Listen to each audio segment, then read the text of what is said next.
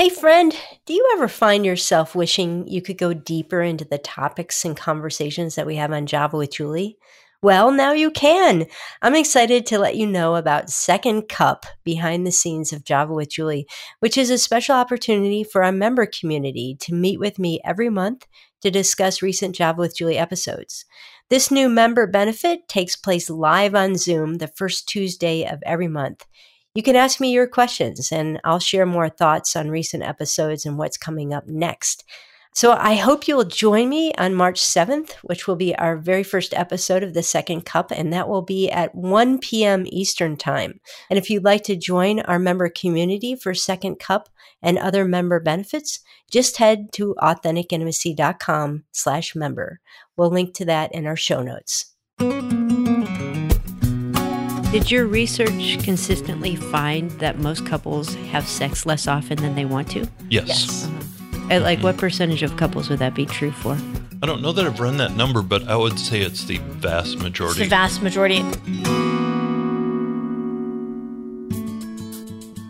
Hey, friend, welcome to Java with Juli. I'm Juli Slattery, and thanks for joining me today.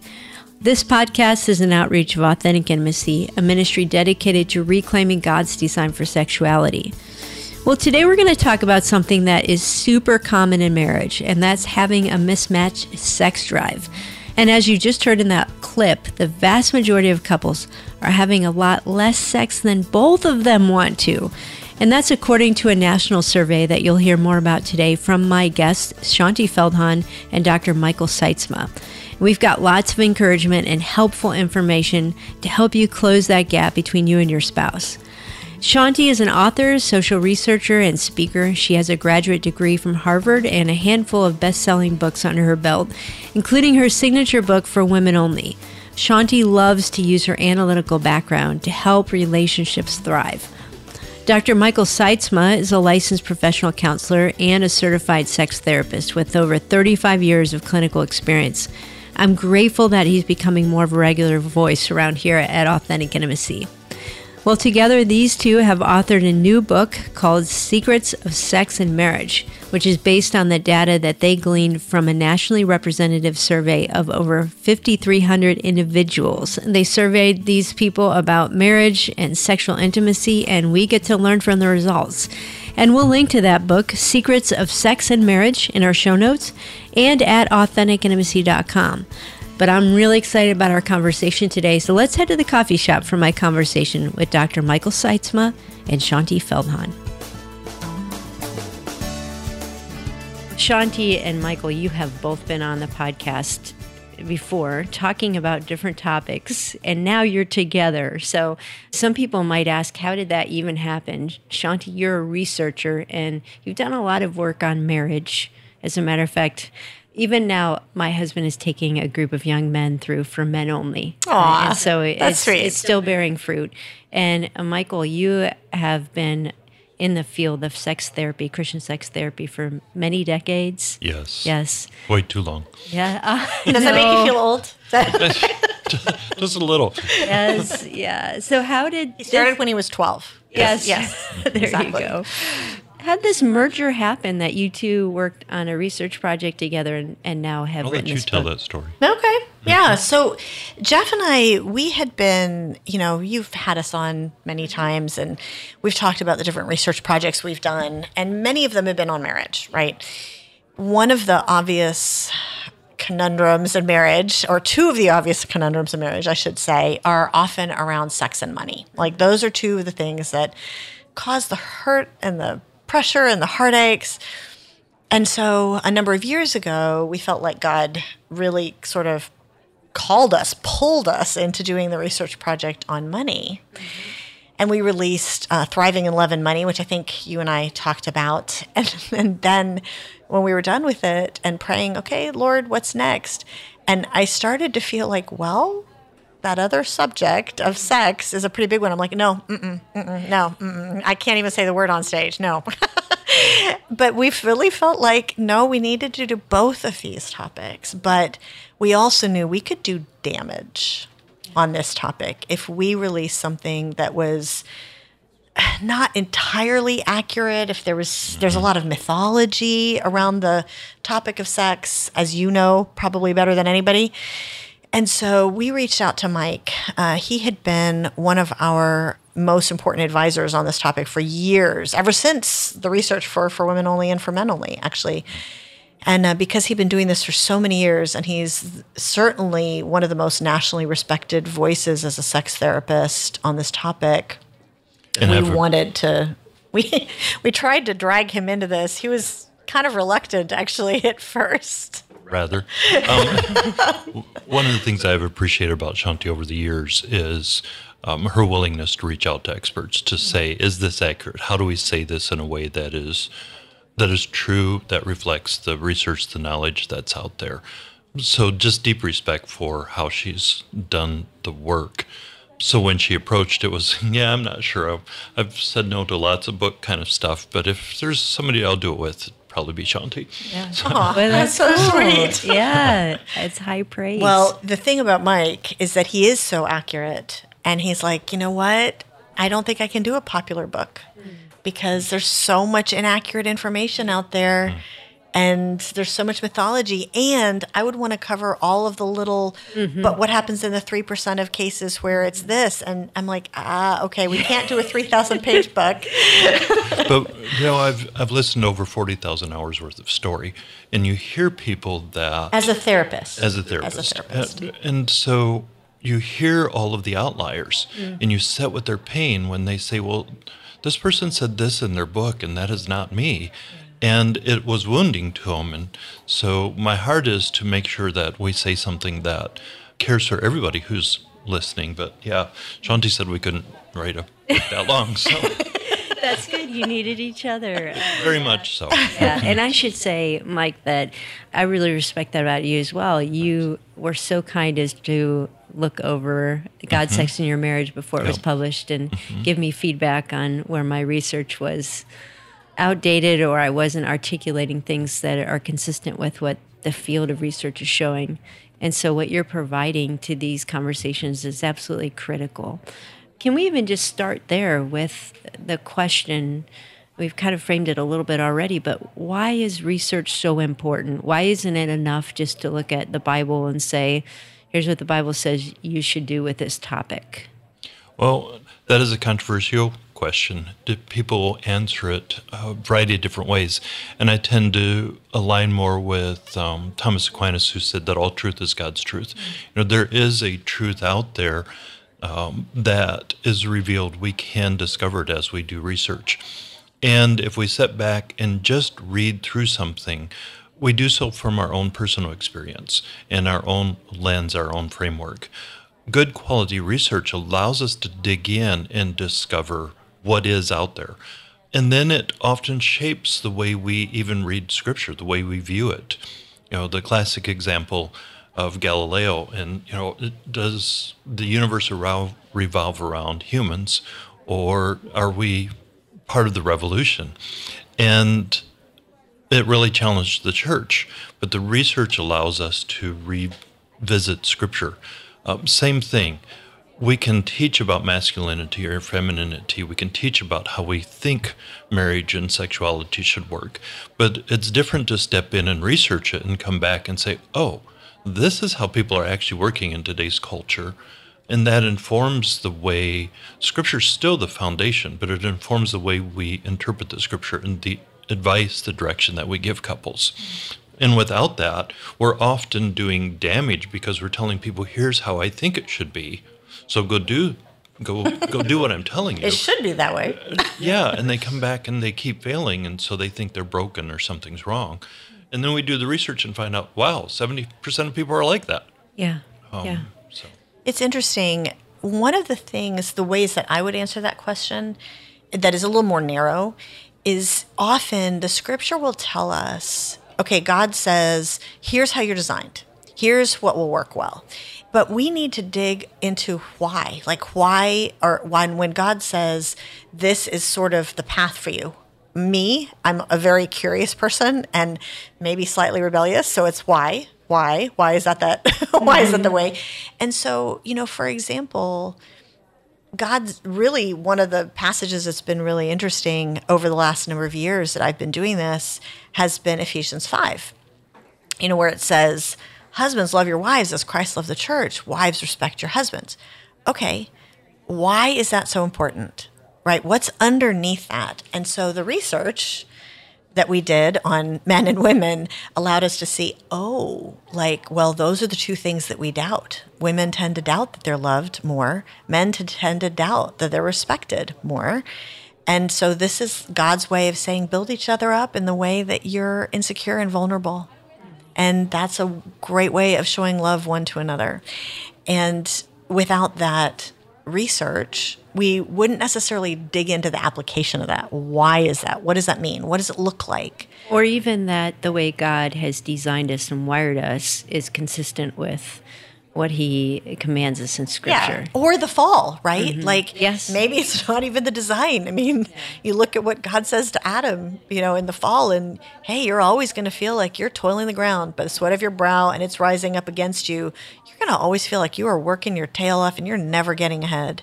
You're not adequate. Well, oh, huh. so the average guy goes, "It's not just me." And we say 74% of men feel that way.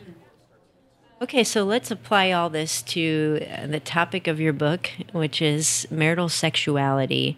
And I know that you discovered so much more in your research than you can put in this book. And it probably frustrates you, Mike, that you're like, oh, there's so much good stuff in there that we can't talk about.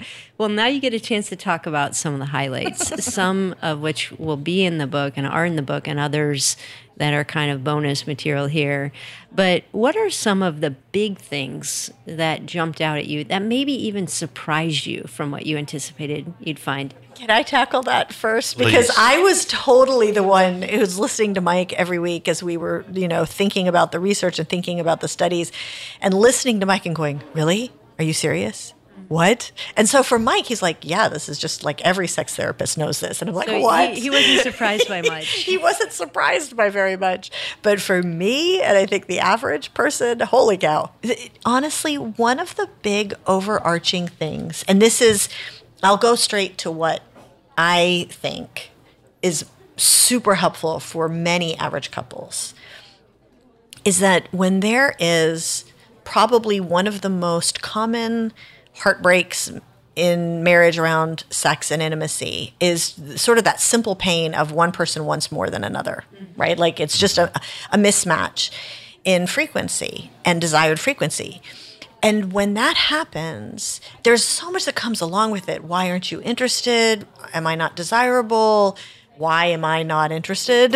you know, what mm-hmm. what's going on underneath the surface?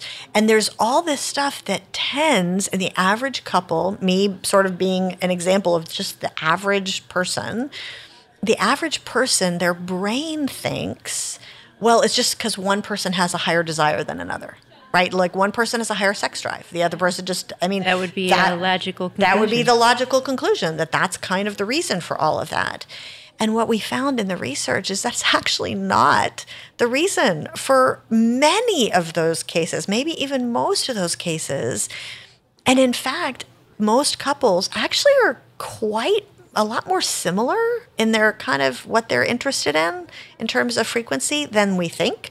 So there's other reasons running under the surface. We're a lot closer than we think. What are those other reasons? And that was a lot of what we were trying to dig out in the research of, oh, well, if okay, if we actually desire a frequency that's not that far apart, and yet we're still having these hurts and heartaches because we're not connecting, what are the other things that are so, going on? So, just to summarize that, you're saying that the research showed that most couples don't have a discrepancy in desire? They do have a discrepancy in desire. Most couples do. 22%. 21% were, were equal. Were equal. Mm-hmm. But that means the bulk of couples, there was a discrepancy.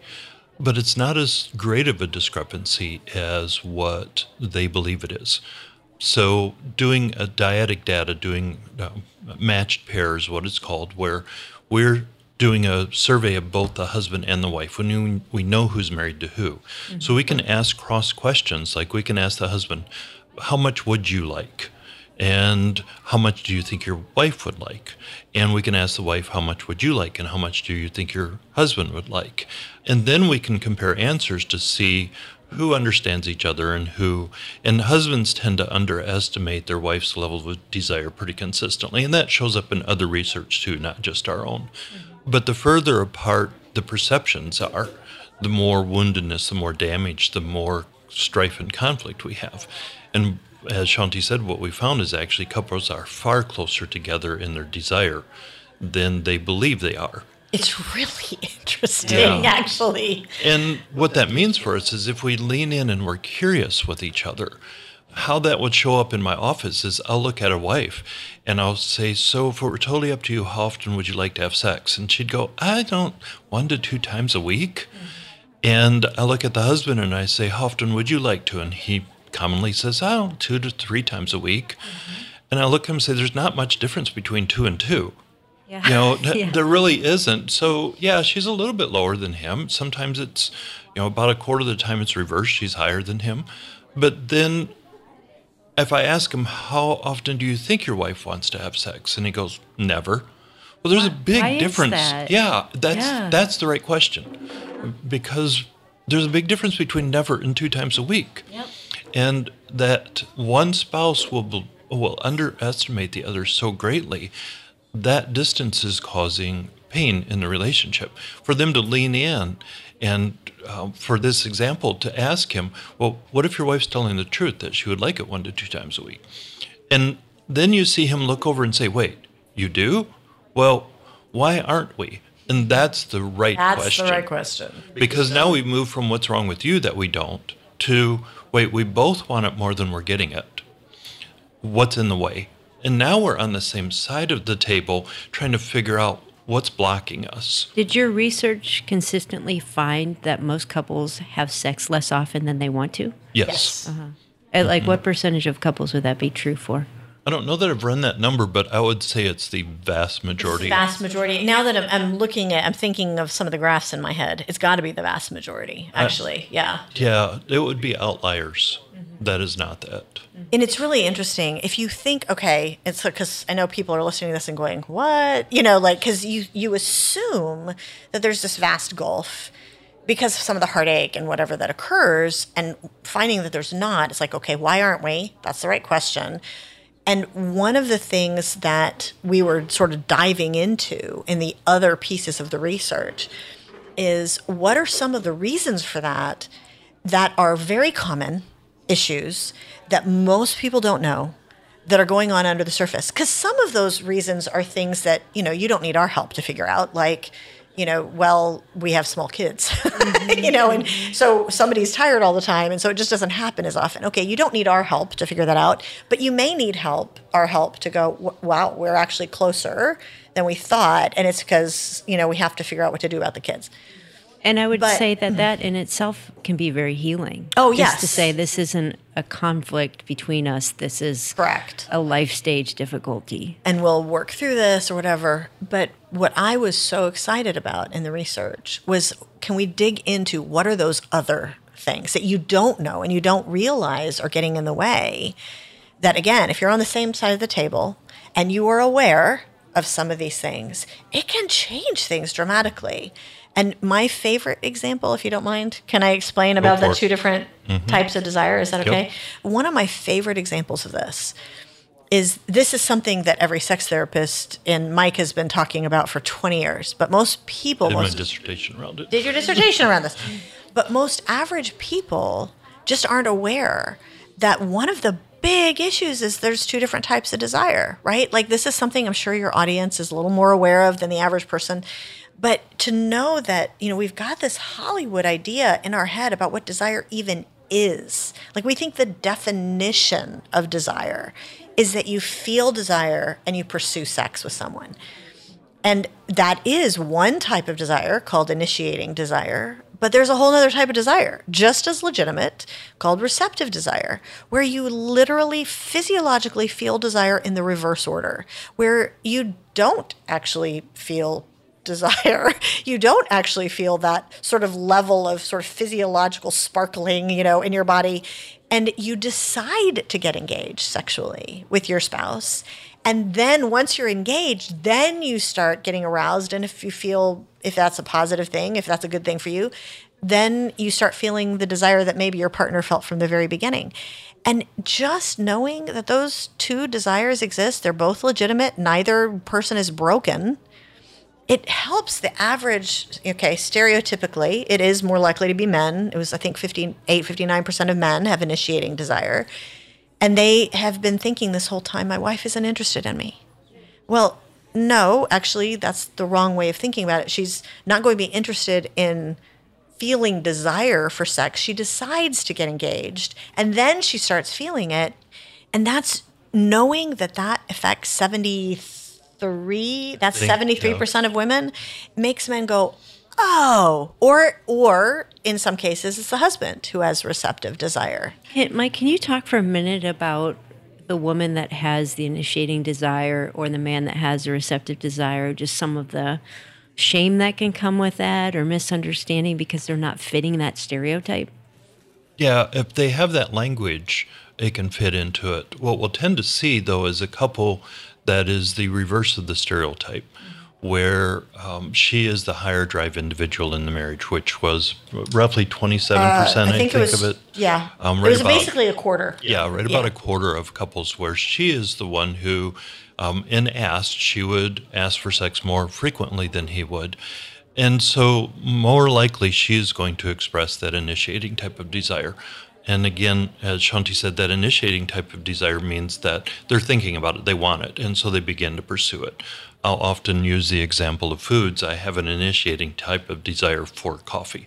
I wake up in the morning and I am going to find coffee. I can identify with that. yes. Yeah. I'm thinking about it. It's in the back of my mind. And, you know, at various times through the day, I might think, a cup of coffee would sound good. That's an initiating type of desire for it. Chinese, I have a receptive type of desire for. My team knows that I go to Chinese for one person, and that's my wife. Mm. I'm not fond of it. It's not something that um, that I think of, wow, that sounds really good to me. But when she comes up and she says, I'd really like to go to Chinese, that sounds good. Let's do it. And I'll actually enjoy it. But it's not something that I'm going to think about and naturally pursue. But when she comes and she invites me into it, I'm receptive to it, engage in it, and enjoy it, versus a resistant type of a desire, which is the other type of desire in here where there are some foods that you're just not going to be able to talk me into no matter what. Mm-hmm. You know, no matter how seductive you make it sound, I'm just not interested in trying it. And if a wife has that more initiating for a variety of reasons for sex, and then it takes him a while to get drawn into it, to decide. Often she's thinking, What's wrong with me? What's wrong with my body? I had one wife sit in front of me and um, beautiful woman said, I think I could talk most men into having sex with me. Why won't my husband? Mm. And the husband sits there and he looks over and he says, She's gorgeous. She is fun. She's playful. She adores me. Why don't I wake up wanting to have sex with her? In that sense of, I don't fit into the societal norm. I don't fit into what I see on TV or movies. What's wrong with me? Um, I think it's fascinating that she wonders what's wrong with me, that he doesn't want me. He wonders what's wrong with me, that I don't want her. And both of them tend to put the pressure on something's broken rather than normalizing, well, you may have different levels of desire. You may approach desire differently. For the receptive type of a person, we ask them about that process. They might not have thought about sex for days but then, and often we'll talk about them as just being in, in neutral. They're not in drive, they're not rolling forward, they're just neutral. But the right stimulation, the right seduction, the right invitation, and they might go, Yeah, we could do that. Then they began to engage because they want to connect. And their body starts to respond and their heart starts to respond, and they view both of those positively oh, I like how my body's responding. I like how we are together. And that's what turns on the sexual desire part of the brain. And so it's five minutes into sex play before the receptive person goes, yeah, I do want this. Let's not stop. And to say that is a legitimate type of desire. You know, you might not have thought of having coffee yet today, but if I offer it and you smell it and you go, oh, that sounds good. Yeah, I would like some. If I look at you and say, no, you really don't want any because you didn't walk in wanting it. It wasn't until I encouraged you and you considered it and you were open to it that you wanted it. That's not legitimate desire. We'd say, yeah, it is. It's just a different type of desire. So normalizing for both males and females, you can have either. And one day you might have an initiating type of desire, and the next day it may be more of a receptive type of yeah, desire. I, I even wondered about that. How much of this is the relational dynamic, where you Often. you fall into a pattern where he is the one who always initiates, so you never have to think about it. Mm-hmm. But if he stopped initiating, if for example, stereotypically that woman would be like, "No, actually, I miss this. I want this." Right. But she still might not have that initiating, I'm going to hunt him down. Mm-hmm. She may not have that feeling. Right. Yep. We But sorry. just the awareness that, wait, I'm missing something that we had. we actually tackled this in the research that we looked at this two different ways. We looked at this in okay, what's your feeling, your natural sort of physiological thing, which can change from time to time, mm-hmm. but what's that sort of inborn kind of gut level thing that's happening where you feel that desire, you want to pursue sex, or it comes a few minutes into the sexual play, right? So we got those statistics. And then we also looked, and it was actually a little bit different okay, let's set aside the feeling for a minute. What do you actually do? Like, who is the initiator? Who's the receptive What's the person? role you the play in your role you play, because that can actually be quite different. Because there are many, for example, many people who are initiating in terms of how they feel, and yet they kind of wait to see if their spouse sort of sends a signal or if their spouse initiates something because they don't want to push their spouse into you know feeling like they have to have sex. And so the spouse who's actually the receptive and feeling sort of has to become the initiator in action to demonstrate okay i'm good for tonight or do whatever. like you. i do like you you know. And so that then creates a really interesting marital dynamic. We did a lot of interviews where this was the case where both people were wanting more and let's just say it was the stereotypical where the husband is initiating and the wife is receptive which isn't everybody obviously but let's just use that example and 40 some percent. i think up it was like way. yeah 40 something mm-hmm. where That's, that's, not even the majority. no, No. actually, I think it, mm-hmm. it ended up being 51 once we added in the, yeah. The, and once we added in another group, I think it was, mm-hmm. it was just over the majority. It was very 50 50. But that, well, let's just say that wife, stereotypically, she actually is sort of in this position where, okay, now I have to actually be the one to sort of keep tabs of it's been a few days and you know reach out to him because I know he's not going to reach out to me even though he wants it more. And so that's actually not necessarily a bad thing, but it puts it more into a position of what is it that we're wait maybe waiting on for the other person and if they're not responding then there that's when the hurt feelings etc come And the answer to all of this is part of what we we found that I expected we would find. Uh, communication makes the world a difference. Couples that were able to communicate more effectively with each other, we saw higher frequency, we saw higher satisfaction. All of the numbers that we would say, well, this is better than that. Couples that talked well with each other around sexual issues did way better. And that has been repeated in lots of research. And giving couples sometimes the language of wanting to initiate, or I could be receptive, or I'm feeling really resistant today. Um, that doesn't necessarily mean it's about you, or it might have been the way you treated me this morning, and I'm still getting over it. But tomorrow I'll be okay.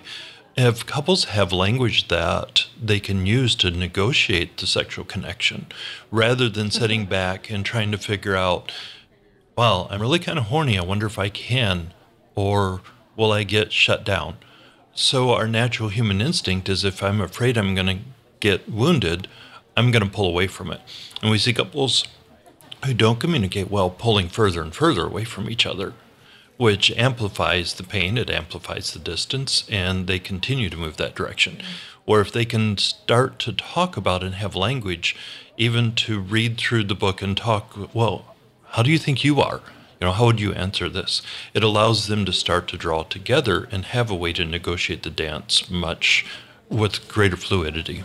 Well, you mentioned one real key to communication that a lot of people don't have, which is the language. What words mm. do you use? Yep. And books like what you've created can be very helpful in, in using just language. One of the top exercises that a lot of us as sex therapists use is to assign a book and have the couple read it to each other out loud. So I've got a, a, handful of books that are in my top of the list because as a couple reads it to each other, they hear themselves using the language that the author has given them. And it kind of desensitizes them to the sexual language, which often we don't tend to use. Mm-hmm. and they can talk about what kind of language we want and figure out what works for us. So it guides them into to using sexual language. Okay, so I just have to jump in here. So, not being a sex therapist, Jeff and I one of the ways we did this research is that uh, we have spent the last two and a half years meeting with Mike every Wednesday morning. So, all morning, three hours, with him just helping us. You know, we started talking and he was downloading things. And he so enjoyed using anatomically correct terms and watching me and Jeff squirm. like it was a thing because because we were not sensitized to the language. And the thing though that I want to sort of encourage people who are listening to this who may I'm sorry, like despite Mike's best efforts, I am still never going to use some of these terms, right? Like I just won't. But one of the things that we're hopeful for for the average couple like me and Jeff is that when you're talking about sex, it can feel intimidating, right? It can feel awkward. But all of the stuff that we've been finding, the real issue is it's not really about sex, right? It's about all the stuff that's running under the surface, all those emotions and worries and sort of expectations and those are the things that we have to get used to talking about and that's mm. that it, it may be a little you know you may not be used to it but it's not as uncomfortable no i think you're absolutely right but I would say that some of those conversations are very uncomfortable. And that I think is another thing that keeps us from talking. It's not just the language, it's that this topic can be so emotionally charged and tap into such vulnerable yeah. aspects of who we are that we're afraid to say, I'm not attracted to your body, or we're afraid to say, I just don't desire sex very much, or, or I feel rejected all the time when you when you turn me down sexually. Like those are such vulnerable things. Well, sex is a sacred subject. Mm. And things that are sacred, we need to be cautious and careful around. Mm-hmm. God set it up to be sacred, to be protected. And often, if we step outside of, especially honoring communities, sex is not viewed as sacred. Mm-hmm. So the language, the approaches from there are often wounding to us. So we have a world concept where I'm easily wounded in it. But then often the church is fairly silent about sex. So I don't have a message that is affirming and honoring to me. And yet I'm built with this deep desire to be found beautiful, to be found handsome, to be pursued, to be wanted. But if I ask for that, the only way I know to ask for it is a way that I was taught that's wounding to me. So to have a language even that allows us to talk, to express that I really want to be pursued by you. But how do I ask for that when I just want you to do it without me asking.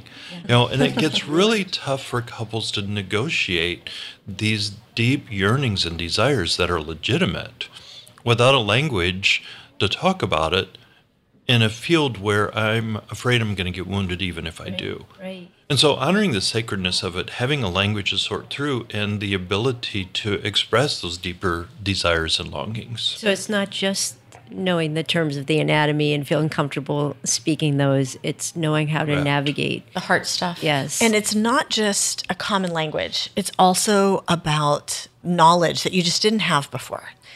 And so, for example, suppose that, you know, you have that hard thing that, you know, we were talking about earlier where you were saying, You know, how do you say, I'm not sure I desire you, right? I'm not sure that I'm interested.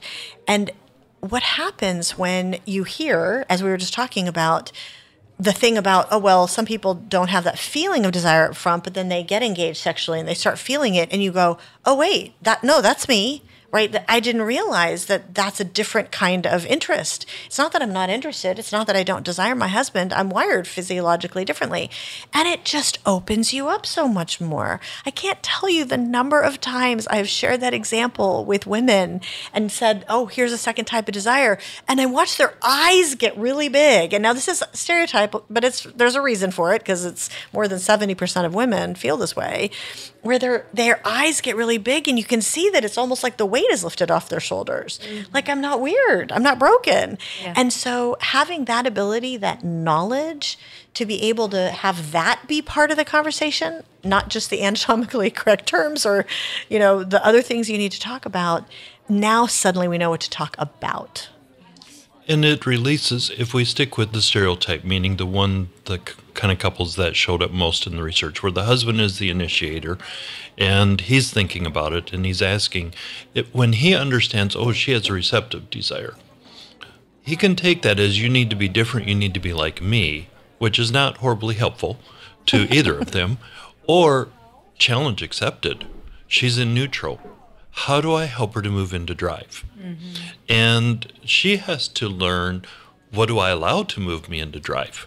Yes. You know, I spend a lot of time with couples talking about seduction and how do we live seductively, not how do we do something that is seductive, but how do we live in a way that is always drawing each other. And if he realizes my wife has a receptive type of desire, I am learning what draws her into drive, what gets her to want to be with me because once that receptive desire kicks in, we both want, and now it's fun. And the same for the reverse. If a wife realizes my husband is a more receptive type of desire, what do I need to do that draws him into it? It may not be the stereotypical things that turn a guy on. She learns his heart and what gets him to go, Yeah, I want to be with you. And that's part of the beauty of marriage is learning learning the intricacies and the beauty and the uniqueness of each other that I have learned to speak your language. And I allow you to speak my language. I allow you to draw my heart. Nobody else gets to, but you do. Yeah. Well, that's that's really precious. I also know there's a part of that that the individual has to to own. It's not just my husband's job to get me to desire sex. So. I have to nurture that in my own heart and mind. So I mentioned that I spend quite a bit of time with couples talking about seduction, and I'll look at a wife and say, "How do you seduce your husband?" And quite honestly, that's usually a pretty easy answer. Um, there's going to be half dozen things that women will talk about. This is what works, and I'll look at the husband and say, "Does that work?" And he's like, "Oh yeah, yeah, pretty much every time." And most wives know what seduces their husband. Most husbands are aware of what seduces them. Um, whether it's something she's willing to do or not, he's aware when I flip that and I look at a husband and I say, So, how do you seduce your wife? You know, what kind of behaviors, what kind of attitudes, what, what draws her into wanting to connect with you? Husbands kind of go quiet mm. and they're like, Oh, I'm not really sure. But what's really fascinating is when I look at the wife and say, Well, what does work? What draws you into wanting to be with him? Wives go silent too and they're often not aware of what draws them. And I think that's fascinating. I think it's an invitation for her to figure out what would I allow to touch my heart. I'll say the most common thing that comes up is I call it Papa Bear. When I watch my husband be Papa Bear to my kids, when he is that nurturing, protecting, you know, playful, all of what I would desire in a dad with my kids. That's the most common thing that I hear. Sometimes it's when he's protective of me. Sometimes it's when I watch him stand up and take power in our community or he's leading a cause or something. That is really seductive to me. It's really varied though from women, but I do think there's something to be said for her figuring out what does she allow to touch her heart and then communicating that with him and him knowing that it may not be as predictable that it's going to work every time like her seductions probably work most of the time but for them to start to talk about what draws my heart, what helps me to want to connect with you in a deep, intimate way. And if I could just jump in there, one of the things that was a big aha moment for me in talking to Mike during this process and kind of seeing these differences and how things play out is there's even a step further back where it's not just what's seductive in terms of what's happening in the moment, watching the Papa Bear play on the floor with the kids, for example, but also that there's a bigger context of okay how is how am i living seductively? That's one of the things that mike has often talked about is how am i living day to day every day in a way that draws right. in my spouse? Because if you think about it the big aha moment for me was wait a minute. If there is this receptive desire that where you're not feeling that sense of desire and you're deciding to get sexually engaged, then what do you decide to get sexually engaged based on? Your ba- and what we found in the interviews and everything was that often the and it's especially the case with the receptive wife. The receptive wife, it's dependent on how she's feeling about the relationship these days. Like it, it, may have nothing to do with what he's doing in that moment, which is what he wants. He wants a button to push, right? Yeah. Like what's going to work. but it often is no, I'm making a decision based on, you know, how I felt in the last week about how we've been, you know, together and how you've treated me and whether I feel loved in the kitchen that morning and all that kind of stuff is harder I think for a lot of guys who are like they're check the box kind of give me a business plan and I can execute and to help them to step back a step and say, okay, there's something to that, but no, it's the environment that you're creating yeah. for and, her. And that goes consistent for the couples where the wife is the higher drive, or in the moment where it's a higher drive. Many times they have this thought of, well, all I need to do is be physically seductive to him in the moment. And I've had so many husbands say, she's been so hypercritical of me all week.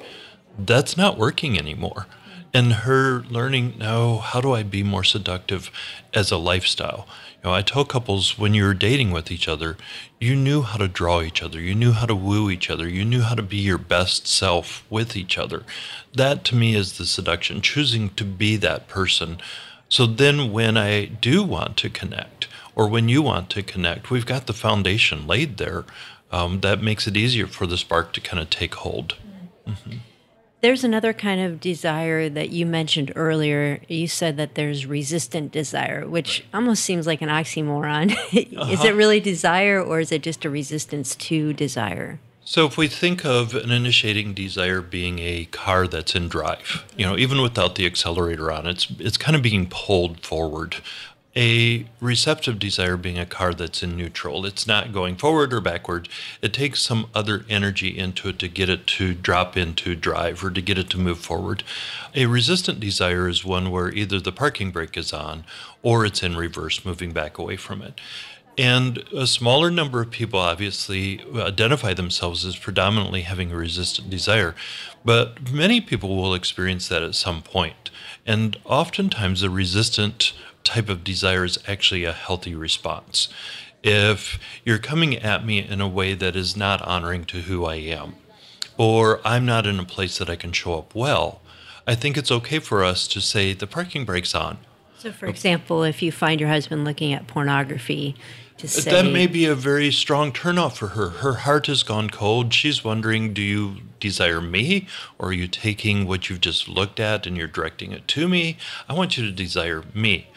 And so to say, we need to have a safer space for me to drop into to drive, to want to connect with you. It's okay to ask for that. If he comes and says, I'm just horny, I think that's an okay thing to say, but it's okay for her to say, yeah, I need you to touch my heart first. Or if she comes in and is demanding sex and he says, You've been too critical, I don't think my body's going to work. You know, um, those are okay times to be in kind of a, a resistant type of desire. Sometimes our body prompts a resistant type of desire. I'm not feeling well, or the hormone levels aren't there that allow it to shift, or I'm taking some medications that keep the part of my brain that engages sexually muted, um, turned down. Uh, so sometimes our body keeps us into that resistant type of desire. And then oftentimes what we associate sex with. You know, I've been taught scripts that I have internalized and I've viewed these behaviors as as not really healthy or not really good. I'm going to have more of a resistant type of desire or I've been wounded in this arena. And you know, you're you're approaching me in a way that triggers all of those old wounds.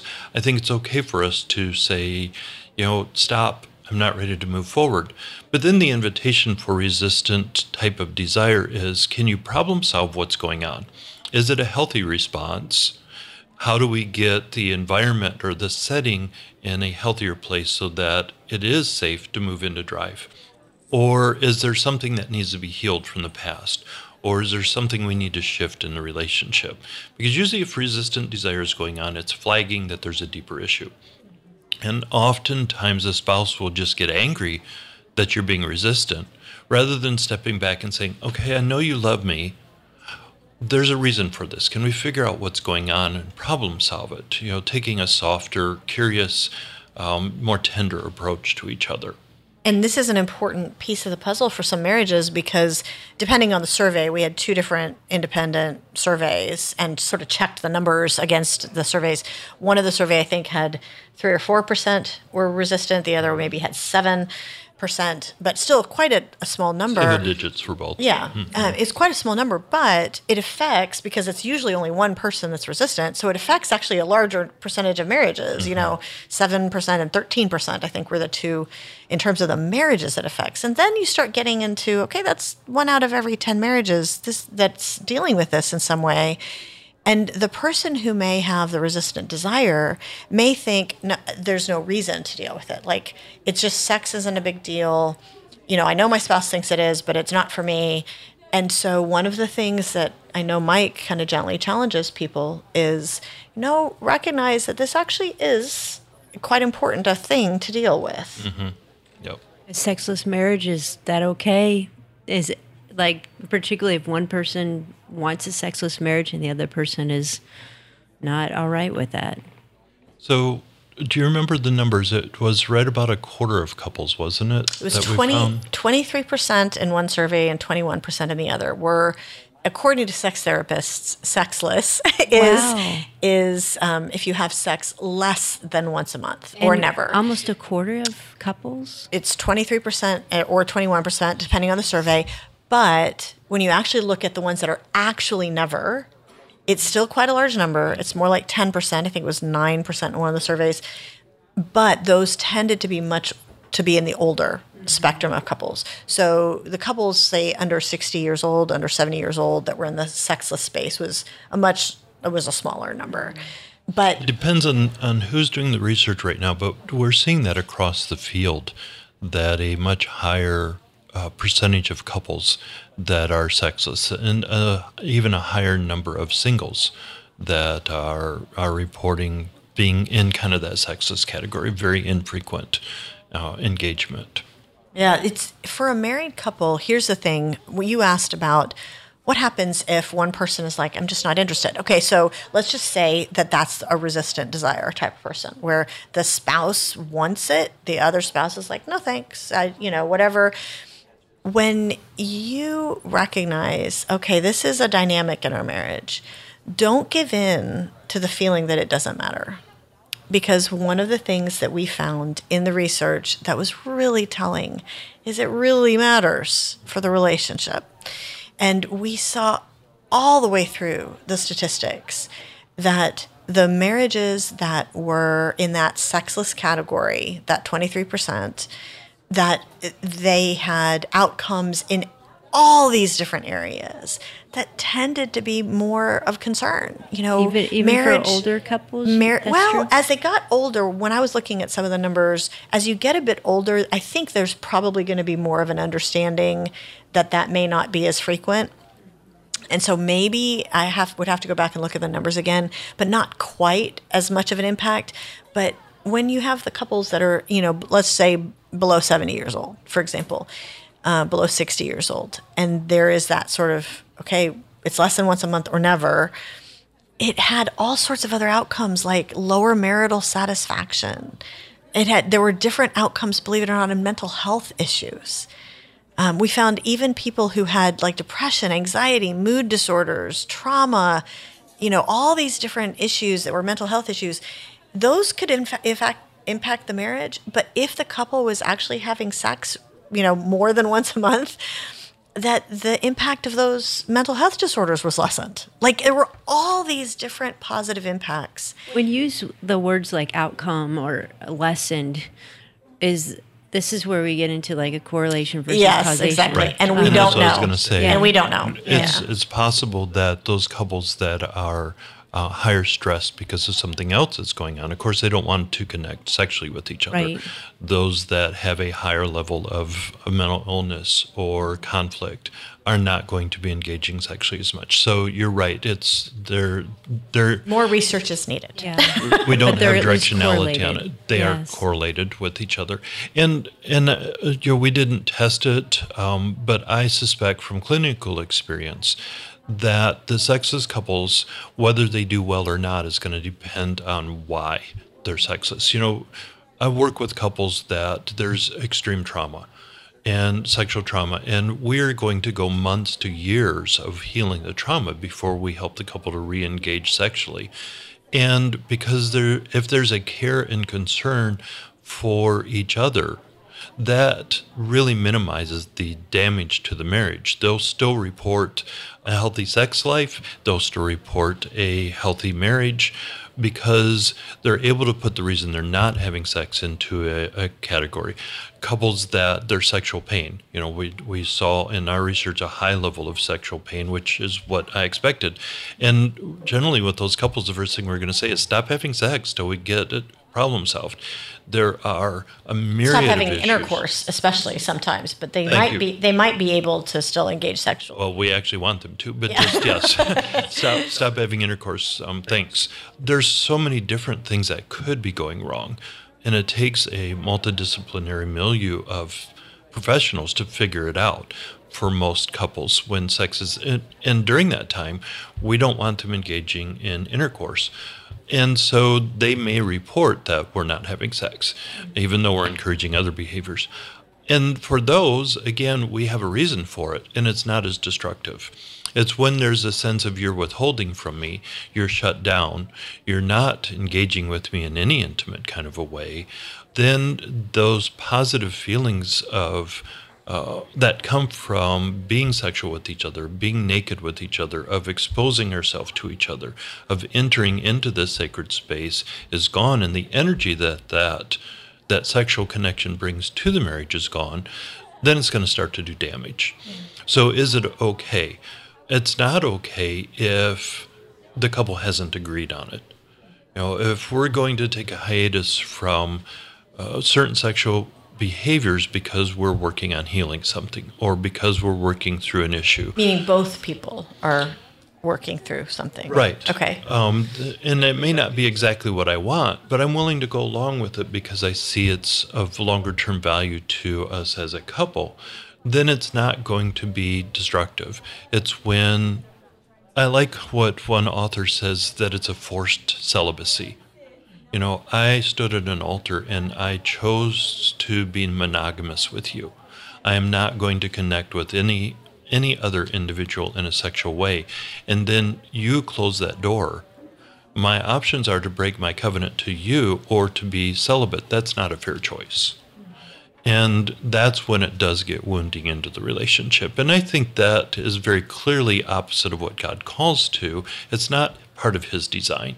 So it is outside of His mark, it's outside of His calling for us when we choose to force that kind of a choice on, on our spouse.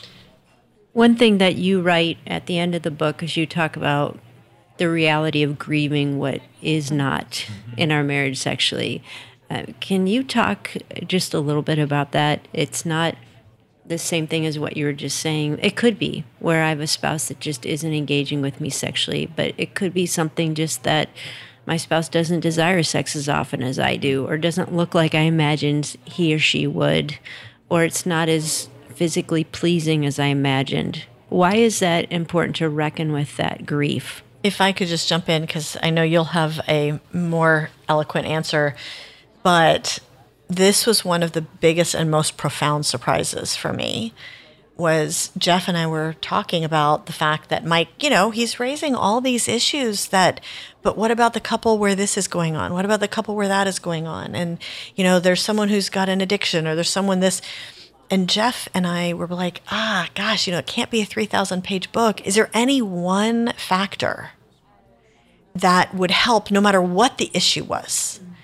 And we thought, oh, that's impossible. There isn't. And Mike goes, oh, yeah, th- there is. And every counselor knows what it is. And he said, in the end, all counseling work is grief work. Something isn't the way that you wanted it, and you have to grieve it, and you have to accept that and move forward in order to enjoy what you do have. And that's not the same thing as accepting that something is not acceptable, but just in general, the grief aspect of this was a huge eye opener for me as the average wife. Most of us step into marriage with a set of expectations. We're not even fully aware of what those expectations are.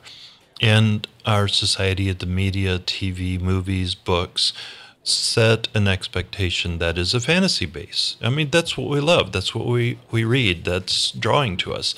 And then we step into marriage and realize, oh, wait, this isn't what I thought was going to happen.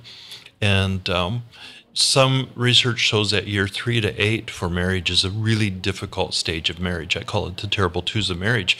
In part, what's happening is I'm looking at you saying, you're not who I thought I was going to marry, and I'm not who I thought I was going to be with you. You have to be different. And so we work hard to change our spouse. And real health and healing comes when we recognize, oh, wait, you are an introvert. That's what I chose. I often want you to be an extrovert, but that's not who you are. How do I accept that you're not who I thought I was getting? Or who I, I knew who I was getting, but that's not what I want now. yeah. yeah. I want the extrovert who wants to go to the parties. so I accept that this is how you approach life, this is how you approach sexuality. And it's different than when I can accept this is you. Now I can grieve the loss of what I don't have. I'm never going to be married to somebody who is like that. You know, my joke often is you're never going to be married to, you know, a six foot two blonde haired, blue eyed Scandinavian guy with rippled muscles. Sorry, that's not what you chose. You know, today you'd like that kind of a person. If you always hold your husband up against that standard, he's never going to measure up. He's always going to be aware that he's not quite good enough. And how does he navigate that space in the marriage where both can grieve, yeah, I'm not married to that. I chose you. And you know what? I chose pretty well. And lean into appreciate the beauty of who you are. Maybe you don't want to do some of the things that I like to do sexually. And I've tried to talk you into it, and you're just not interested in it. You find it offensive or it's not pleasurable to you. I grieve the loss of those in my sex life. And once I grieve the loss of them, I can lean in and really pursue what we do have together. I can find the common ground and we enrich the common ground. We enrich what is good rather than spend all of our time criticizing what's not there. And that allows for a profound shift in marriage to where I accept who you are, I embrace who you are, I even like who you are because I've let go of the pieces that I was demanding that never will be. Well, that conversation was chock full of practical wisdom for Shaunti and Michael, and I'm grateful for these two bringing their gifts together to create such a great resource for us. I hope you'll take some time and maybe listen to this episode again and even ask God, what expectations have you put on your spouse that you need to let go of? And what can you do to live seductively, to use Dr. Mike's term, and draw your spouse in closer to you? Or maybe you need to learn about the different types of sexual desire. Well, whatever your next step is, I hope you'll take it. And I hope you'll pick up a copy of the book Secrets of Sex and Marriage. Just look for the link in our show notes and at AuthenticIntimacy.com. Hey, thanks for listening, and I look forward to having coffee with you next time on Java with Juli.